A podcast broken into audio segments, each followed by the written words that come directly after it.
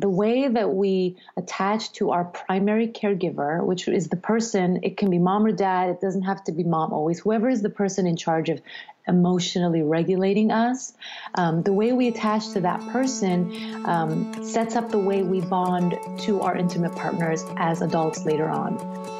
Welcome to the Women Inspired podcast, brought to you by Modern Well, a beautiful woman centered collaborative workspace in Minneapolis, Minnesota. I'm your host, April Seifert, psychologist, entrepreneur, and self proclaimed life experience junkie. Each week, I will introduce you to a different woman who is succeeding and inspiring others in one way or another. We'll dive into her story, her successes, failures, and the lessons she has learned along the way all with the goal of inspiring you to listen to that inner voice who keeps reminding you that there is something you want to take action on. You are so much more capable and powerful than you give yourself credit for. Inside of you is a woman on fire. Let's let her out and see what happens. Here we go. Welcome back to the Women Inspired podcast. My name is April and I am your host. And friends, I am issuing a fair warning on this episode. I'm talking to another psychologist and we are about to geek the heck out over a couple of topics that are so incredibly important to close relationships, to intimate relationships. We just went right down the rabbit hole with this episode, but I did it because these are topics that are not commonly talked about in any literature that I've seen out in sort of the normal world. These are topics that are talked about in a totally obscure way in psychological journals that are hidden away in libraries that no normal person will ever come into contact with. But today, we're sort of pulling the covers off of this work and shedding some light on it so that you can see and understand these important topics that absolutely impact people's closest relationships. So, today you are going to meet an incredible woman named Silvy Khoucasian, and she is an expert in the field of close relationships. She is a marriage and family therapist, and she is absolutely incredibly skilled at taking very complex uh, topics that are so important, like I said, topics that are so incredibly important to the way that our relationships function and feel. And she can break them down into concepts that are so clear and so articulate and so easy to understand, and also easy to implement. This is such a powerful episode. I am so stinking excited for you guys to meet this incredible woman and to hear about her expertise and how it absolutely applies to your relationships. And I'm going to give you another little warning. I talk uh, in pretty open, authentic terms about the way that I've struggled in this respect. So, a lot of you know that I lost my dad to colon cancer when I was 11 years old. And I talk about this in our interview, um, especially when we get around this notion of attachment styles. I would have told you, as I reached adulthood after losing my dad, I would have told you, yeah, I'm super well adjusted. There's nothing wrong with me. I don't have any lasting you know, negative impacts from my dad passing away, I've got this. Of course, I miss him, I'm sad, but I've healed and I've I've done the grieving thing and I've, you know, moved on with my life. And man, was I wrong because my attachment style was absolutely impacted by my dad passing away and it reared its ugly head. That issue came roaring to the surface in my relationship with the man that I ultimately married, so my husband today. So I get really open and authentic about that story. And I did it because I have this unique, you know, opportunity and frankly, responsibility to bring to light information that I believe will help people live their best lives day to day. And that includes situations like this where we have an expert on, where I feel like giving them someone who has a tangible experience with something will help make their information even more impactful. And so that's why I shared my background with you guys. You know, it's something that was incredibly painful and incredibly difficult for me to go through, but now that I have, I feel responsible to share it with other people so that it might help somebody else who's in the same position. So I really hope you guys love this interview. I got so much out of it. I could have talked with Silvy for the rest of the day, but I'm trying to keep it to a time frame that people will actually listen to. So I'm so thrilled. I can't wait for you guys to meet Silvy Khoucasian. Silvy, I'm so excited that you're joining us for this episode of the podcast. Thanks so much for being here. I'm so excited to be here, April. Thank you for having me. I'm really pumped. I always get really excited when there is a fellow psychologist, albeit in a different realm of psychology, but a fellow psychologist on the podcast. So I know we're going to have a ton of fun today. It's going to be great. We'll get to put our science brains on together. 100%. I love that. Those are the best days. Uh, before I get ahead of myself, though, help my audience get to know you and tell us a little bit about yourself tell them a little bit about me. So it's always like I don't know wherever to really start this story, but I think what what is most important about you know my journey is that I'm actually from the Middle East. My family is from Syria ethnically. We're Armenian, and my parents immigrated here when I was four years old. Left everything behind. Left their families. Left their their work and you know all in the hopes of giving me my my beautiful older sister an opportunity to um, be able to pursue things and have the freedom in many ways that they weren't able to have. So in in many ways i felt like um, there was a really important purpose for my life even as a young child just because of how much my parents gave up for us to be be here and you know i've dabbled with so many things i used to be an actress for a while and you know much of that was because i was so disconnected from a lot of my own emotionality and it really helped me claim uh, a lot of the parts of myself that were um, broken apart. And I would also say there's a lot of trauma in my family. Uh, my great grandparents were in the Armenian genocide. So trauma has literally been passed down mm. to every single member in my family. And I felt it even at a very young age. And of course, the cultural shock that we experienced as kids, um, you know, being in in like two different worlds really, really affected me as a very. I'm a very sensitive person in, already. So on top of that, working through trauma and all those things, eventually led me to wanting to help people through the things that I was so, you know, so deeply struggling with. Um, I worked with preschool settings, I worked with um, adult settings, I worked in a group home for about a year until I shut down completely because I was so burnt out. I think it's such a common story, you know, for people as healers.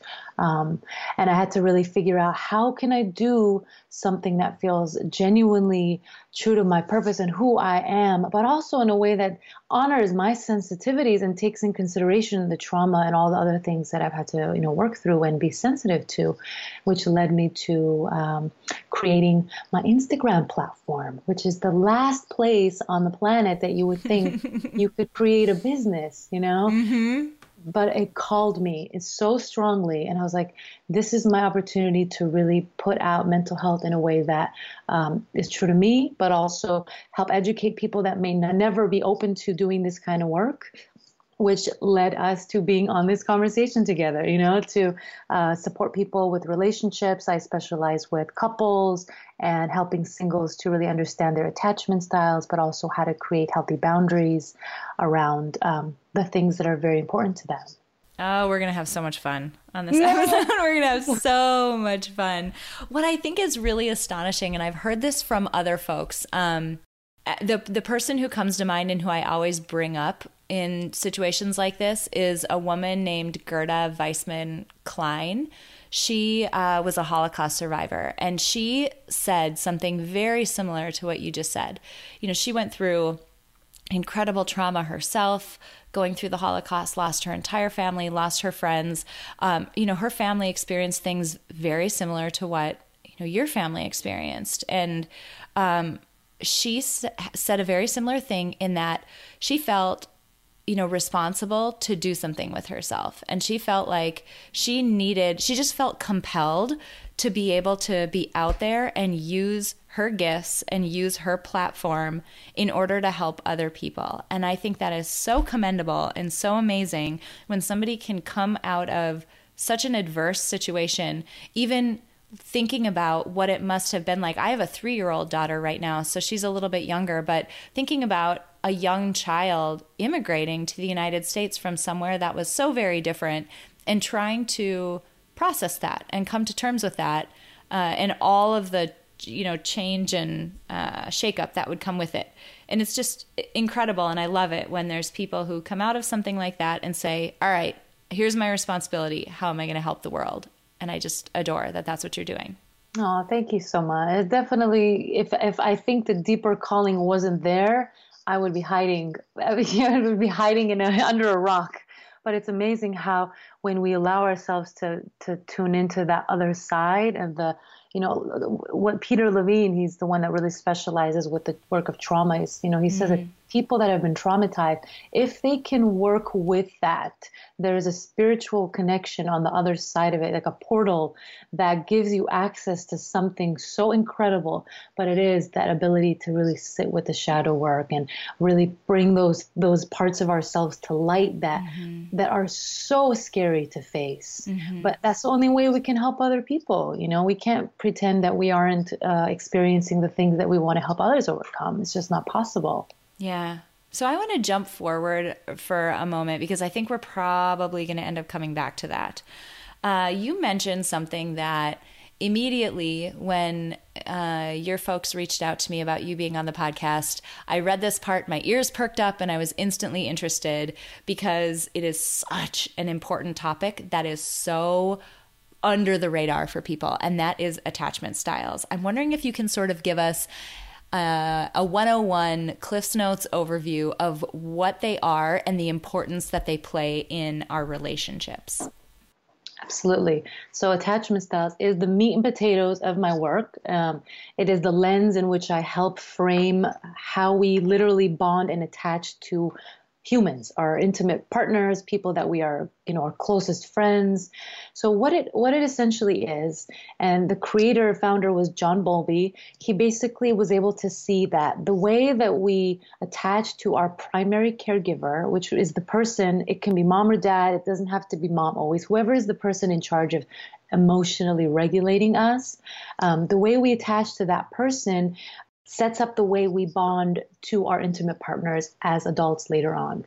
And so there's four different kinds. There's people that are more securely attached and they have had a caregiver that was very tuned in, for the most part, very emotionally res- responsive to them um, and was able to make repairs really quickly if they didn't do a good job. And that's somebody that grows up to be a fairly uh, safe, feeling, trusting, um, cooperative, fair, flexible partner, which is an incredible qualities to bring to any kind of relationship. And then there's people that are more anxiously attached that grew up with a parent or caregiver that was not very consistent in their tuning in. So maybe the parent was available sometimes, but then the parent was maybe depre- depressed or you know, on some kind of drugs or using alcohol, so they were not available for the baby. So that baby is like, wait a minute, my my my my caregiver is there for me sometimes, but they're not there for me sometimes. So they don't shut down, but they kind of get left in this dysregulated state that they're always kind of feeling anxious. And as adults, they they fear anytime there's a small disconnection from their partner. So even if their partner goes into another room or is, is internally reflecting and is doing the normal things, they will want to cling. They will have a big reaction. They will um, misinterpret what's actually happening, make assumptions, reject their partner because they're so terrified of losing that connection. And then we have people that are more avoidantly attached, which can be split off into people that are dismissive or fearful. But the, the gist of it is that somebody that was avoidant grew up with a parent that was not present for them pretty much at all emotionally, like maybe just in very small bits. So that child had to learn to regulate themselves.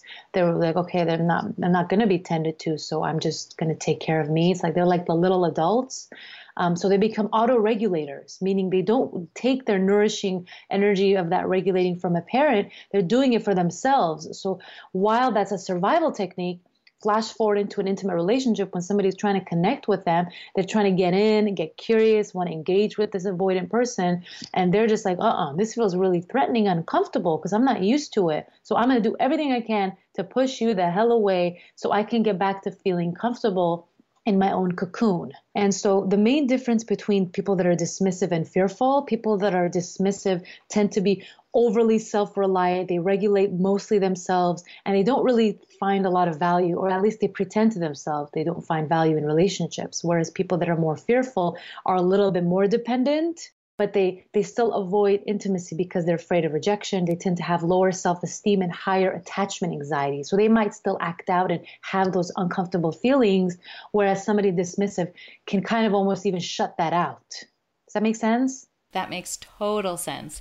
And what i think is so interesting about that and i i mention that this flies under the radar because if people have taken lots of people take you know one or more psychology classes when they're an undergrad for example. Um, developmental psychology is a common class that people take. You know if they get through psych 101 and they decide they want to take another class it's a really common 200 level uh, class at a lot of courses or at a lot of universities. And they teach these attachment styles. So they teach uh, attachment styles around like if you have um, oh, a baby who's starting to crawl or sort of toddle and walk, like how comfortable are they in a new surrounding and how far will they get from their parent and do they come back and check in for support and excuse me, you can see things like that playing out with kids. But where it flies under the radar and literally it seems like no one talks about it from then on is how we carry these attachment styles into adulthood and they start to impact our relationships. And that's where I feel like this flies under the radar. Can you talk a little bit about um, about that linkage, about how these attachment styles manifest in adult relationships? Absolutely. And you nailed it. You're right. We we might have the awareness of it, but we don't really connect the dot. We don't we don't think that something that happened as a 2-year-old or a 1-year-old is going to affect us that severely as an adult when we've done work. We've, you know, obviously we think that we were able to regulate ourselves for the most part, you know. So what I find that's really interesting is that the attachment woundings, meaning if we're more anxious or more avoidant, that stuff doesn't even come up until so in the first stage of love where you're in the honeymoon phase, you know, you're so excited about your partner, you're have all these chemicals that are being released and oxytocin and all these things are happening inside of our bodies and our brains and that allows us to override a lot of the negative feelings, a lot of our fears, a lot of our insecurities because it's again it's it's it's like putting um some kind of a gel to mask it. But when we go to the second stage of love, when we go to the commitment phase where we start to actually lean on our partner and depend on them, that's when the attachment stuff comes up. So imagine you're with someone, you're really happy, maybe it's been a year, and you're like, oh my God, things are so great. This is my perfect partner. And then boom, you guys get married or you guys, you know, have a deep commitment. And now all of a sudden, all of these things are coming up and you don't know what's happening. But you just, of course, you know, if our perception is being affected, we assume something's wrong in the relationship or our partner is doing something to us. When in reality, if we have um, high attachment anxiety internally, it's it's going to come up no matter what because we're good it's it needs to come up in order for us to really work through and create healthier habits and agreements and boundaries to protect the relationship. And that's what's always it's mind-blowing that it does not come up in the beginning. Mm, totally. And i feel like in full disclosure and for folks who are listening to this you guys know that i'm willing to air my uh, i don't even want to call it dirty laundry my background my just history of uh, being a person, I'm willing to air that on this podcast. I've talked about postpartum depression. I mean, I've talked about some really heavy stuff, um, my health history, all of that stuff.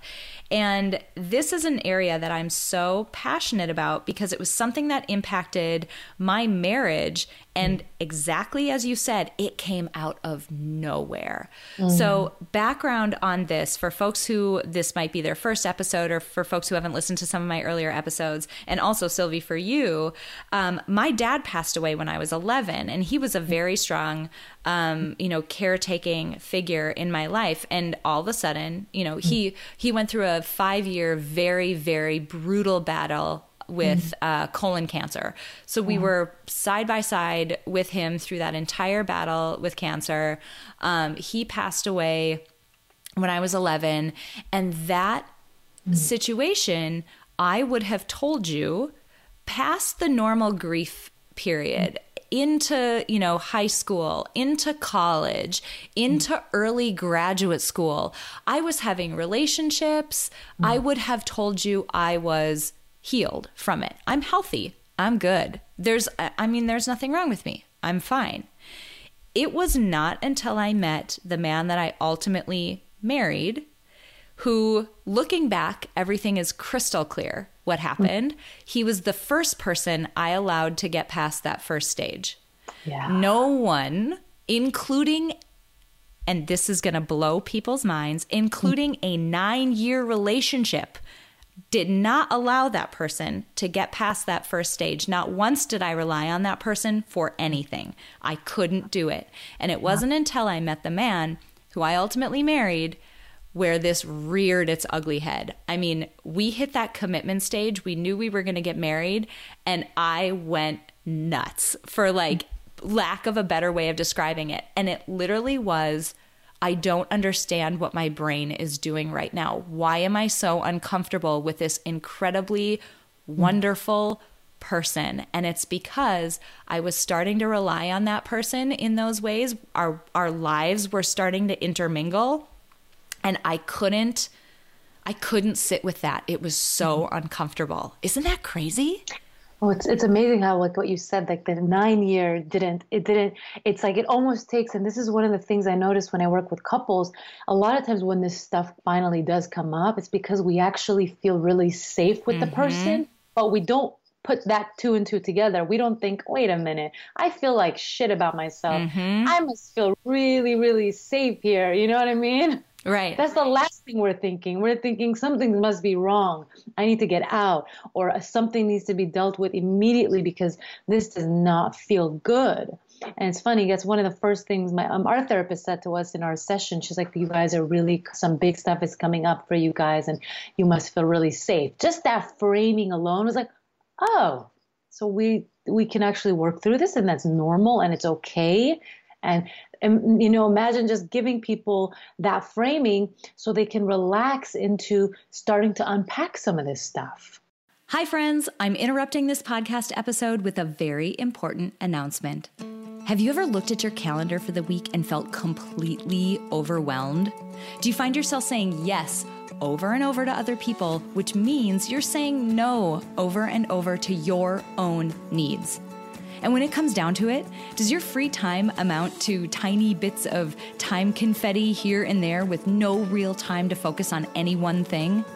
I totally know how that feels. And if that sounds like you, you're going to want to hear this.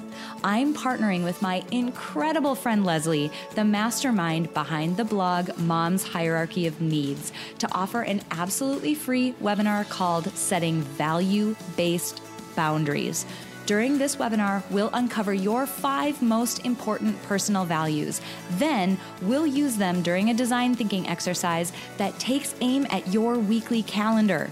You'll walk away with an intentional set of boundaries that are aligned to your personal values to help you finally get your calendar under control.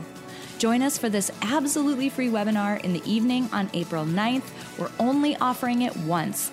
Sign up at aprilseifert.com backslash webinar or just hit the link in this episode description. I can't wait to see you guys there. So it, took a while. Let's say it's a couple of years later, a few years later. Um, of really working on this, I mean, it took a bit to recognize it, first of all, like realize that that's what was going on. Once I did, and that was its own process, but working through it, it's incredible the shift that happened in our marriage. And it wasn't until I, it's recent, holy mm. cow, mm. probably four or five months ago that mm. I actually articulated in clear bullet point terms to my husband. I'm like, no, no, this is what happened. This is what was psychologically going on with me. This is what I did to fix it. And this is why you and I, and I'm going to say don't fight anymore. We fight, but not mm. like that. This is why we don't argue anymore. And he's like, holy cow, hang on. I don't remember the last dumb argument we had, like dumb ones that shouldn't have happened that aren't about anything because yeah. I wasn't creating them anymore. Wow. Do you know, April, which attachment style that you identify with the most? Oh, totally avoidant. Yeah. You were you were describing avoidant, and I'm like, I feel like maybe I wrote this down and told her exactly what to say. Yeah.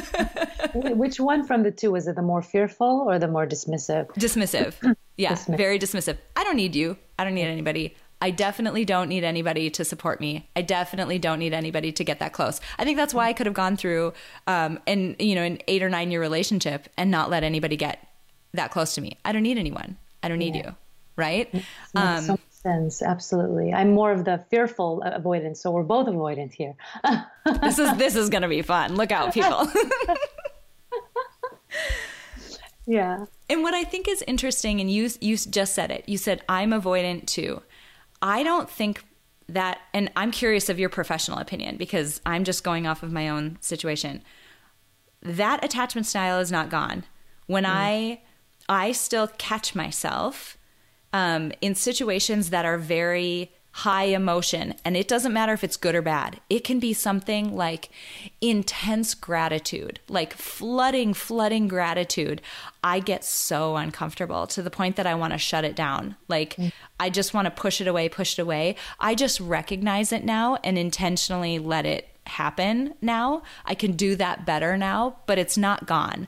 Do these like do you change attachment styles or you do you just have this for your whole life?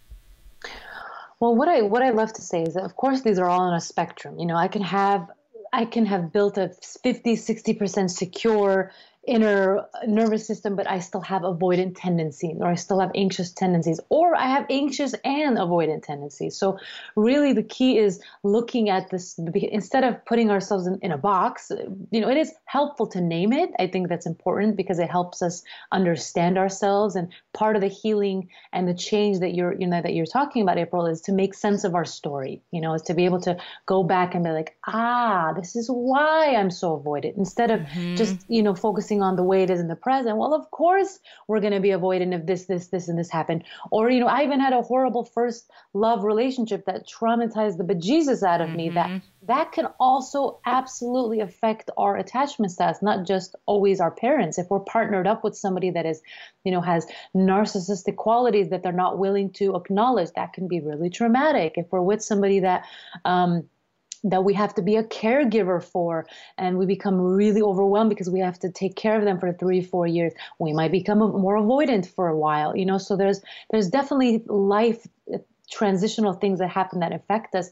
But what we can do about it is, is number one, which is making sense of the stories, putting it all together and being compassionate with ourselves and understanding how it manifests specifically for us. So those of you that are, you know, that are listening, what I would say is if this resonates with you and you want to work on this, you know, get out a piece of paper, write down from, you know, if you want to go back to the episode, write down what are the specific things from the ones I described that you that you resonate with that are the things that we do that are uh, that are self-protecting you know like you said like we shut down as avoidance but they're not connecting to in a relationship environment. So we have to be mindful of those things. Whereas somebody anxious tends to overly want to cling. They want to cling they want to cling they want connection but they're not realizing that the way they're doing it or making all these assumptions that are wrong about their partner are actually pushing away and creating the fear that they want most that they are afraid of the most. Mm. you know what i mean? Yeah, they're so sneaky. It is so, so sneaky. oh my gosh, I love that. Well, that makes me happy that I just have avoidant tendencies. yes, yeah, it's easy. It's gotten to the point of it's a tendency. yeah, yeah. That's awesome. Because you probably have amazingly secure tendencies too. You know, the fact that you're yeah. willing to acknowledge these things, the fact that you're still committed in the relationship after all of this time and after all of this stuff coming up says that you have uh, definitely moved towards a more secure. So a secure functioning relationship is the goal. You can have any pairing but with the agreements and the boundaries we create is what allows us to have a secure functioning relationship. So what that means is I'm going to be willing to call myself out when I start to do things that are not going to be pro relationship. And my partner is going to be willing to do the same things to call themselves out if they do things that are not pro relationship. Because our nervous systems are literally wired together depending on one another. And every single thing that we do affects our partner and vice versa. Mm, I love it. And you mentioned something that is actually the direction I want to go next. You mentioned the word boundaries. Um, so I live in the upper Midwest, which mm. is an area of the US that is not known for having very good boundaries. Really? We we really we just want to be nice to everyone and we want to say yes to everything and we don't want to put a boundary in place because we feel like that might hurt someone else's feelings and that is it's just culturally how the upper midwest is.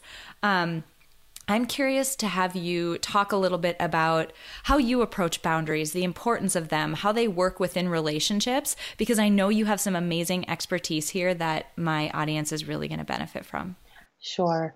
And I want to say, you know, we are socially programmed to want to fit in, to want to connect and be communal and want to um, be liked and be accepted, you know, our sense of belonging. So all of those things matter a whole lot. And so when you say like the culture and the cultural narrative in your town is has been this way, that's really real. That's very valid. You know, just in the same way that when I'm working with uh, a couple and one partner is from you know, an Asian culture, the other one's from a Latin culture, and we go there. That's the first place we kind of go because that's their lens, that's their map. So lots of validating and um, understanding how important that that affected them and that shaped them into who they are. But then we start to look at okay, just because we grew up in a certain context doesn't always necessarily mean that it's a healthy one you know but how can we create some some new habits where we don't just disconnect from our community? Because that's traumatic you know but we can still do it and create those boundaries and create autonomy for ourselves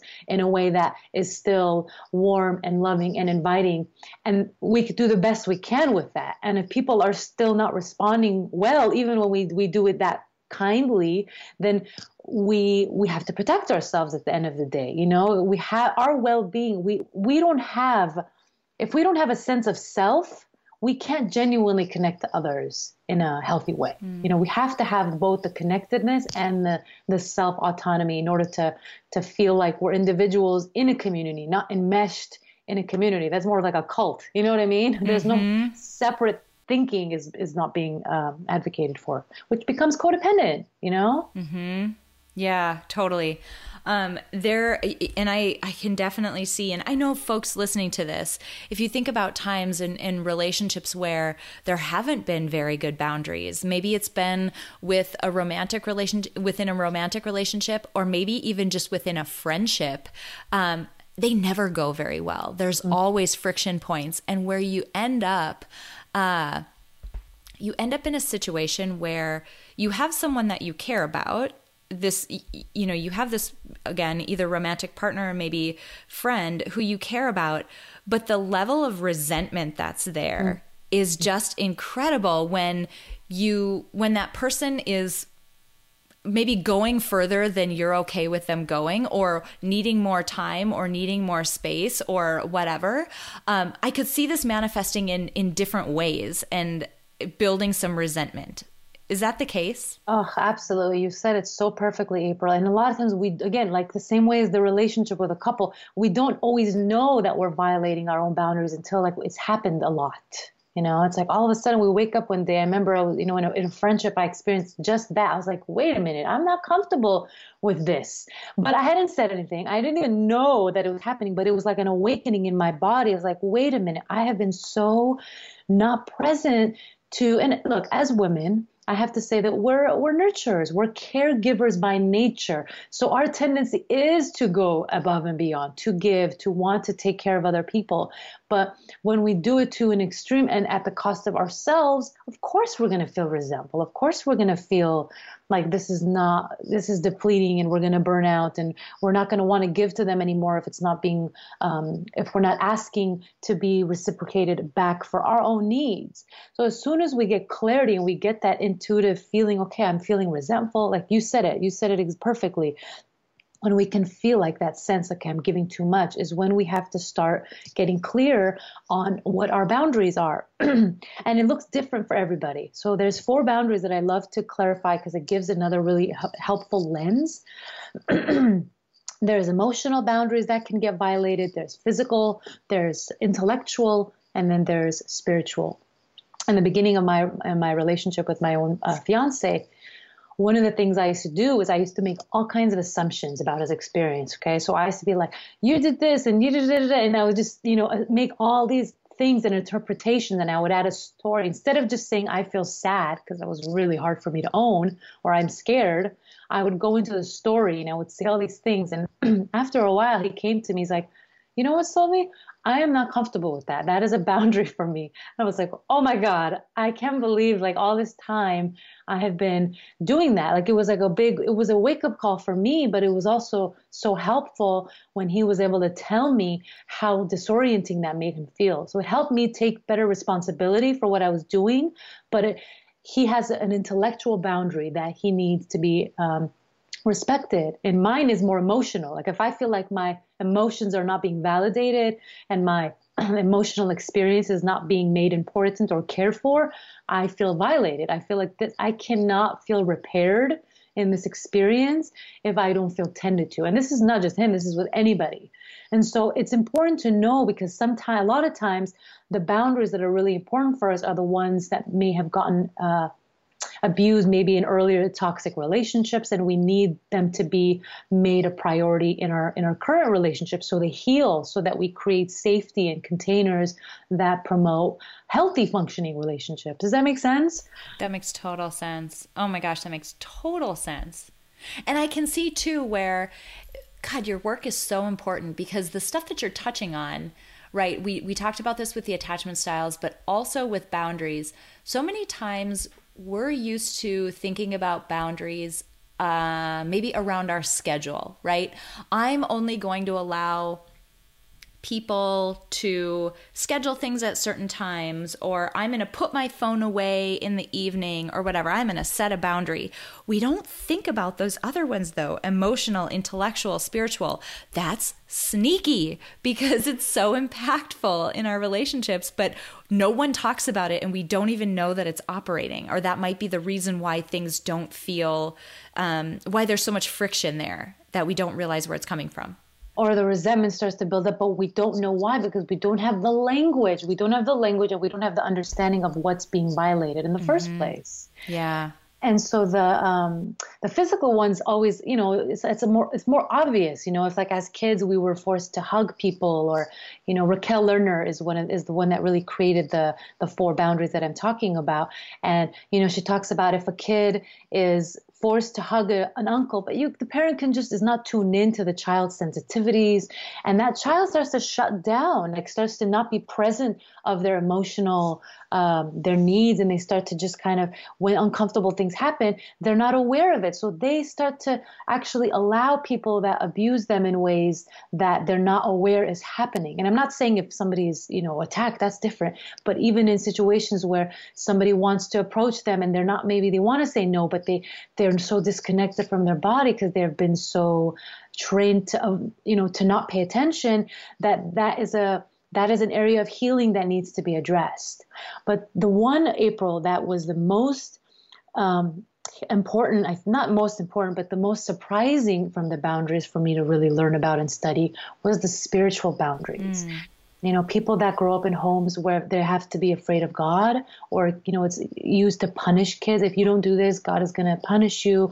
Or parents that are very or grow up with parents that are very um, they don't show their humanness to their kids so mm. their parent they feel like the kids are scared to make a mistake because their parents never you know they don't sh- they don't show that softer more gentler side or make those kind of repairs so kids become really scared as they grow up and they become really terrified or maybe they're not they don't want to uh, um, uh, work through figuring out if they want to be religious or spiritual because they grew up having that forced on them in a way that was really damaging and really uncomfortable and so, I mean, there's so much I can go. I'll go on and on about this stuff, but having the framework to understand why we tend to avoid certain things or why we require certain boundaries so strongly usually has a past. Absolutely. Okay, so I'm trying to think of um, in this context I feel like I've got this expert on the line, and this is an area that people, we just have a hard time with. And I'm sure there's a whole process to go through to figure out exactly what you just said. Like some of these sneakier aspects, especially.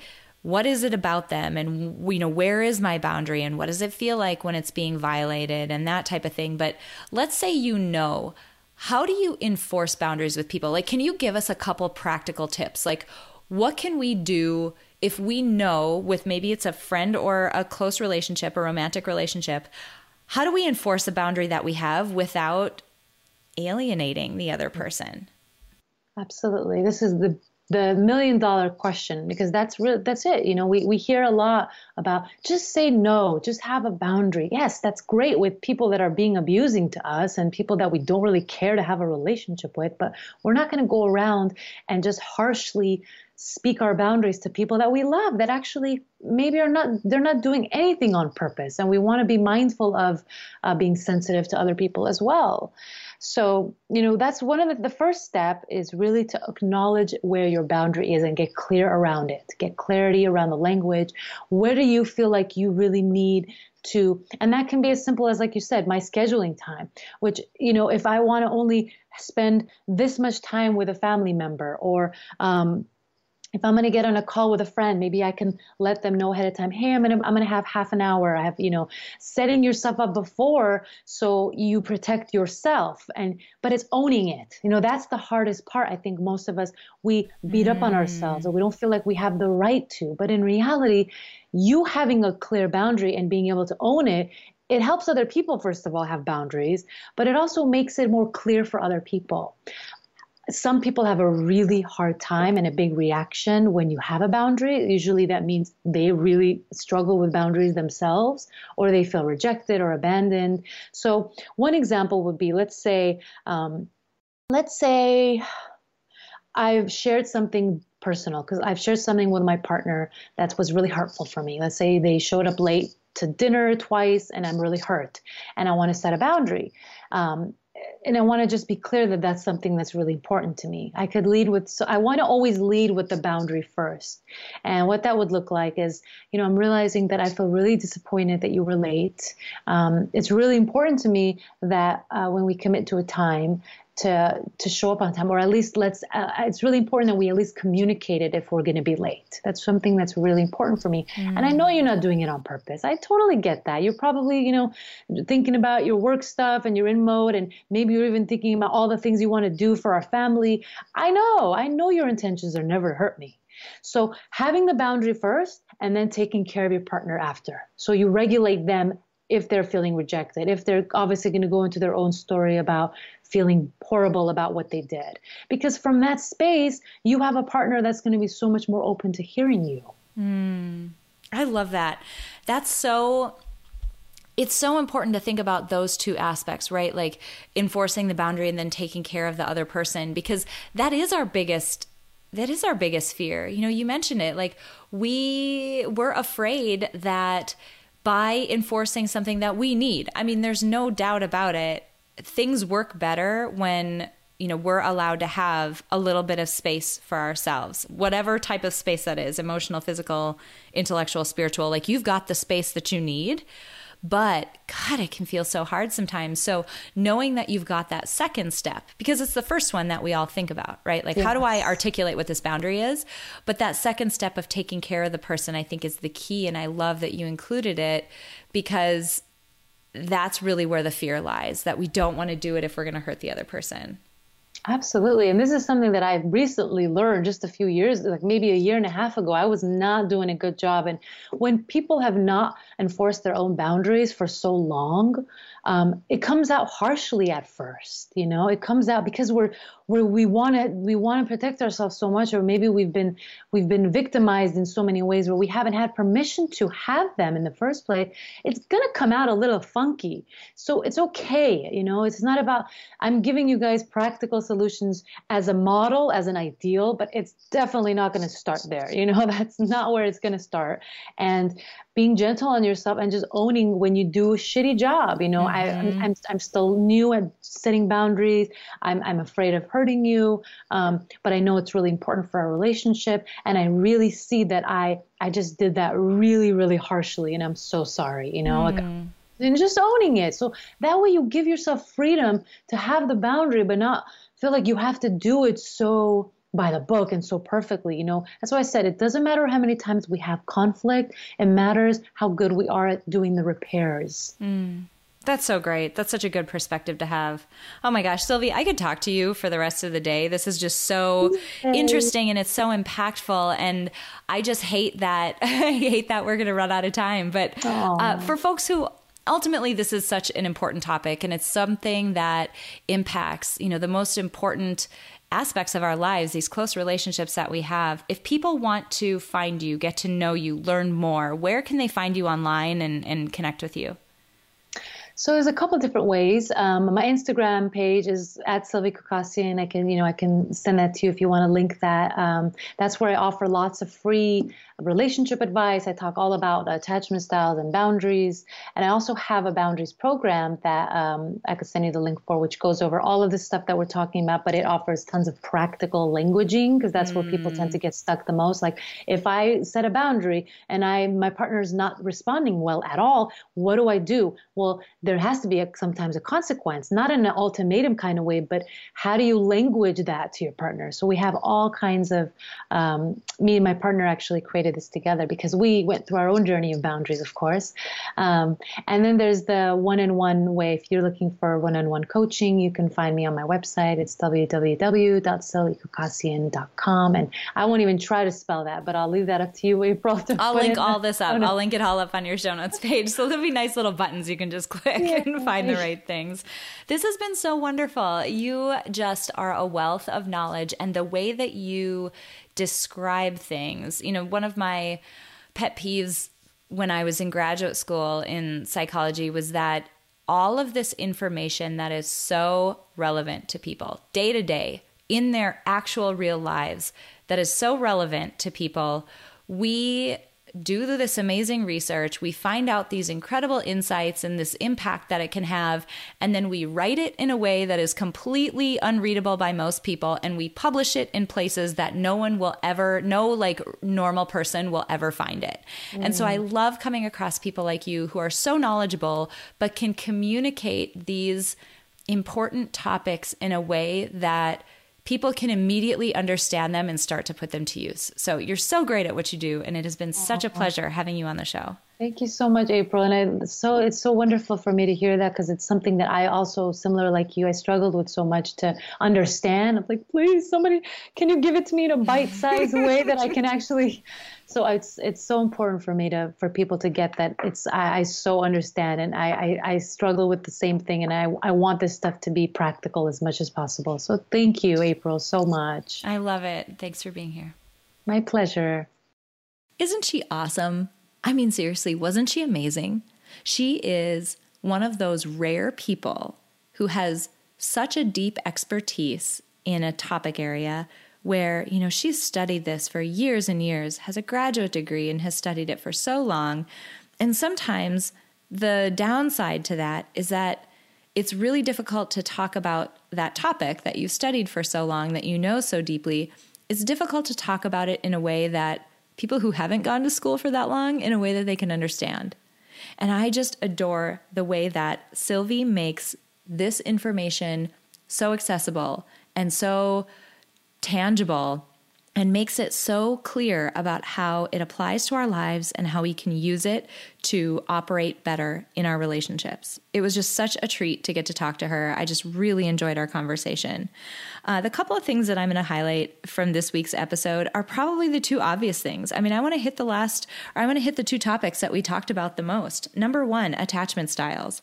I shared my story about what it was like to finally be in a relationship where um, I allowed myself to actually depend on someone. So, for the first time in my life, I actually allowed myself to go past that first stage of a relationship. And the reason why I hadn't gone to that point before is because I had an insecure attachment style. I had this avoidant attachment style that Silvy talked about so beautifully during her interview. please, please, please, the way, the thing that I want to highlight is I want to tell you how this manifested in my life. And the only reason why I want to do this is because I want you to see how sneaky this was and the fact that it could easily be something that is impacting your relationships today and be flying under the radar and have you not even realize it. So, for me, the way that this manifested was that uh, my husband and I you know, got into our relationship. It was so much fun in the beginning, exactly the way that Silvy talked about it. That honeymoon period was wonderful. We went on dates, we traveled, it was great. We had a great time, got to know each other, so wonderful. Things, you know, progressed. We moved in, it was wonderful. And we started to allow our lives to enmesh with each other's. And it almost happened well, it did happen by accident. I didn't see it coming. I didn't realize how close I was letting him get until it was quote unquote too late. Until I was at the point where our lives were very intertwined and I got scared, but not scared like, wow, I'm really afraid of that giant spider that's crawling across my desk, or, huh, it's really scary to jump from that, you know, airplane at 13,000 feet. Not that kind of fear. It's the sneaky fear. It's the fear that bubbles up that has you sitting in a perfectly safe, perfectly wonderful scenario looking for something that's wrong. It's like somebody who's been in a really terrible, you know, think war zone, and you can't let your guard down anymore when you come home. It's not like you're acutely afraid in that moment, you're just attentive and aware and looking for threat and looking for problems to happen. Now, think back to a lot of the themes that we've talked about in the podcast. We've talked a lot about your brain being this incredibly powerful, potentially asset or potentially liability. In this case, big ol' liability for me because Here's a beautiful example, a tangible one of the mindset that you go into a situation with is the situation you're going to cause. That's the one you're going to find. It's going to color the way that you see that situation. So I'm sitting there, my big ol' avoidant attachment self, looking for problems in this relationship because I wasn't comfortable with how close this man had gotten. I didn't like how emotionally attached and you know, just our lifestyle was enmeshed with, they were enmeshed with each other. And I didn't feel comfortable with that. And I was looking for problems. And guess what I found? I found problems because I made them. I started trying to find reasons to be angry at him and causing fights. And it was terrible. And this happened for a little while until I had the sense to wake up one day and start asking myself the tough questions about what in the heck was going on. And ultimately, after a lot of introspection and a lot of brutal honesty, that's not fun to, you know, admit to yourself. It's not fun to admit that you've been causing a bad situation, but that's exactly what I had to do. I had to admit it. When I did that, it was like everything cracked open and became clear. That attachment style was still there, I still had the same tendencies, exactly as Silvy mentioned, but I could now see what was going on. Isn't that interesting? How the last man who I was emotionally and you know wrapped up with, the last man I was emotionally dependent on and dependent on from a lifestyle lifestyle perspective, he disappeared one day. He passed away. And not for a moment since that time did I let another man get that close? And now that one was, isn't it weird? And I'm freaked out. Because the last time this happened, the last time somebody was this close, they were gone. Isn't that funny? And so I really started to explore that.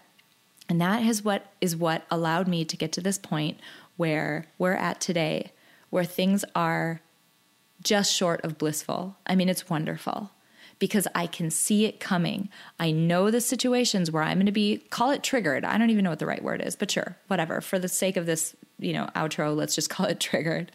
Where I knew this these avoidant tendencies would be triggered. And I could see it coming.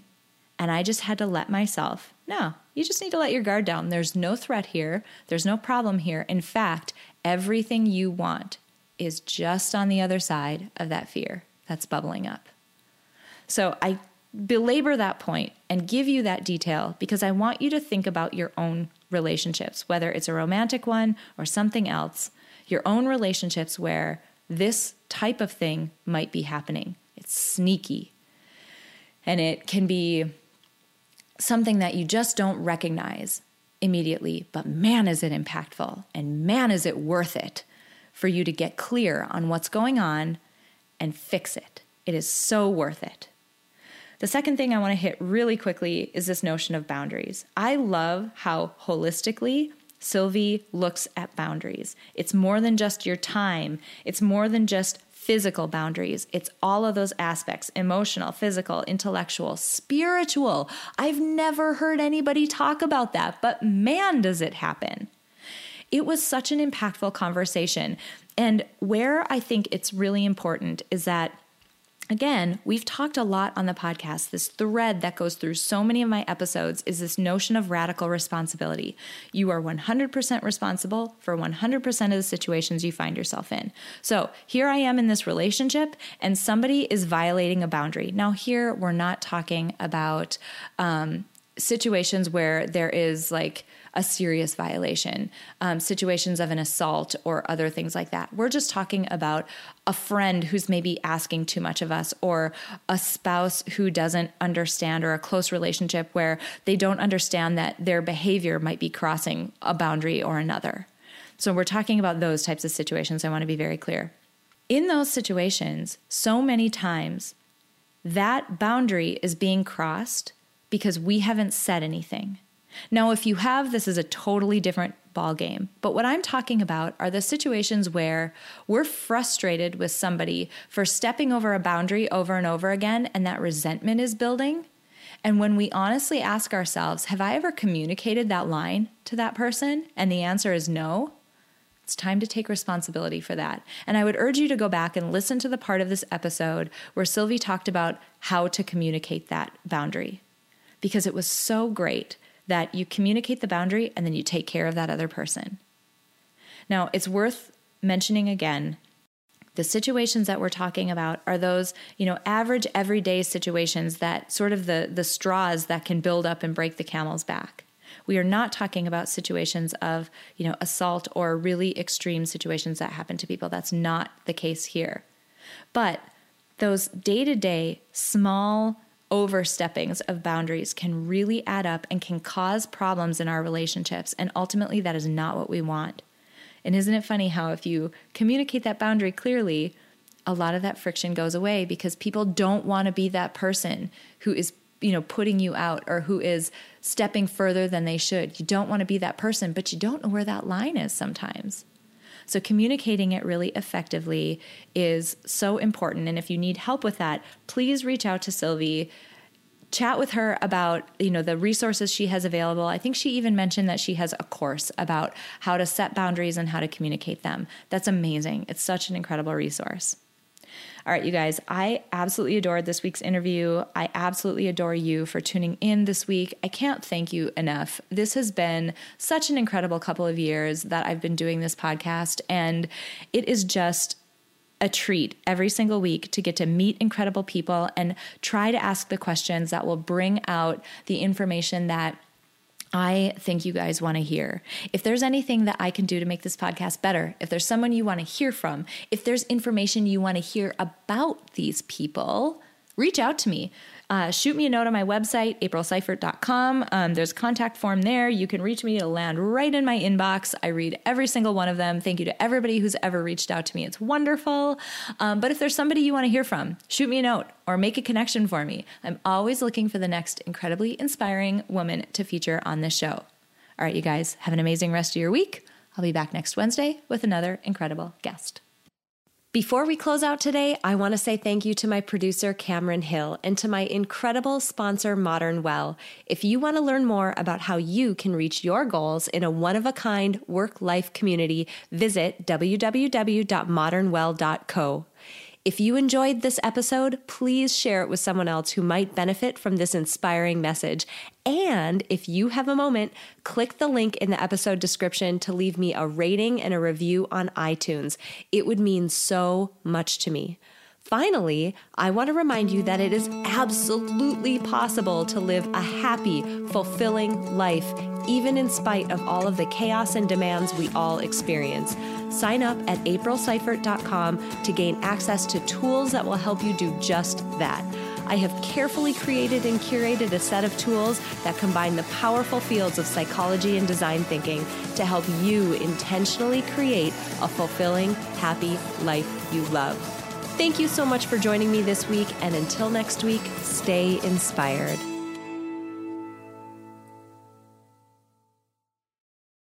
At Parker, our purpose is simple. We want to make the world a better place by working more efficiently, by using more sustainable practices, by developing better technologies. We keep moving forward. With each new idea, innovation, and partnership, we're one step closer to fulfilling our purpose every single day. To find out more, visit parker.com/purpose. Parker, engineering your success. Everybody in your crew identifies as either Big Mac burger, McNuggets, or McCrispy sandwich, but you're the Filet-O-Fish sandwich all day. That crispy fish, that savory tartar sauce, that melty cheese, that pillowy bun? Yeah, you get it every time. And if you love the Filet-O-Fish, right now you can catch two of the classics you love for just $6. Limited time only. Price and participation may vary. Cannot be combined with any other offer. Single item at regular price. Ba da ba ba ba.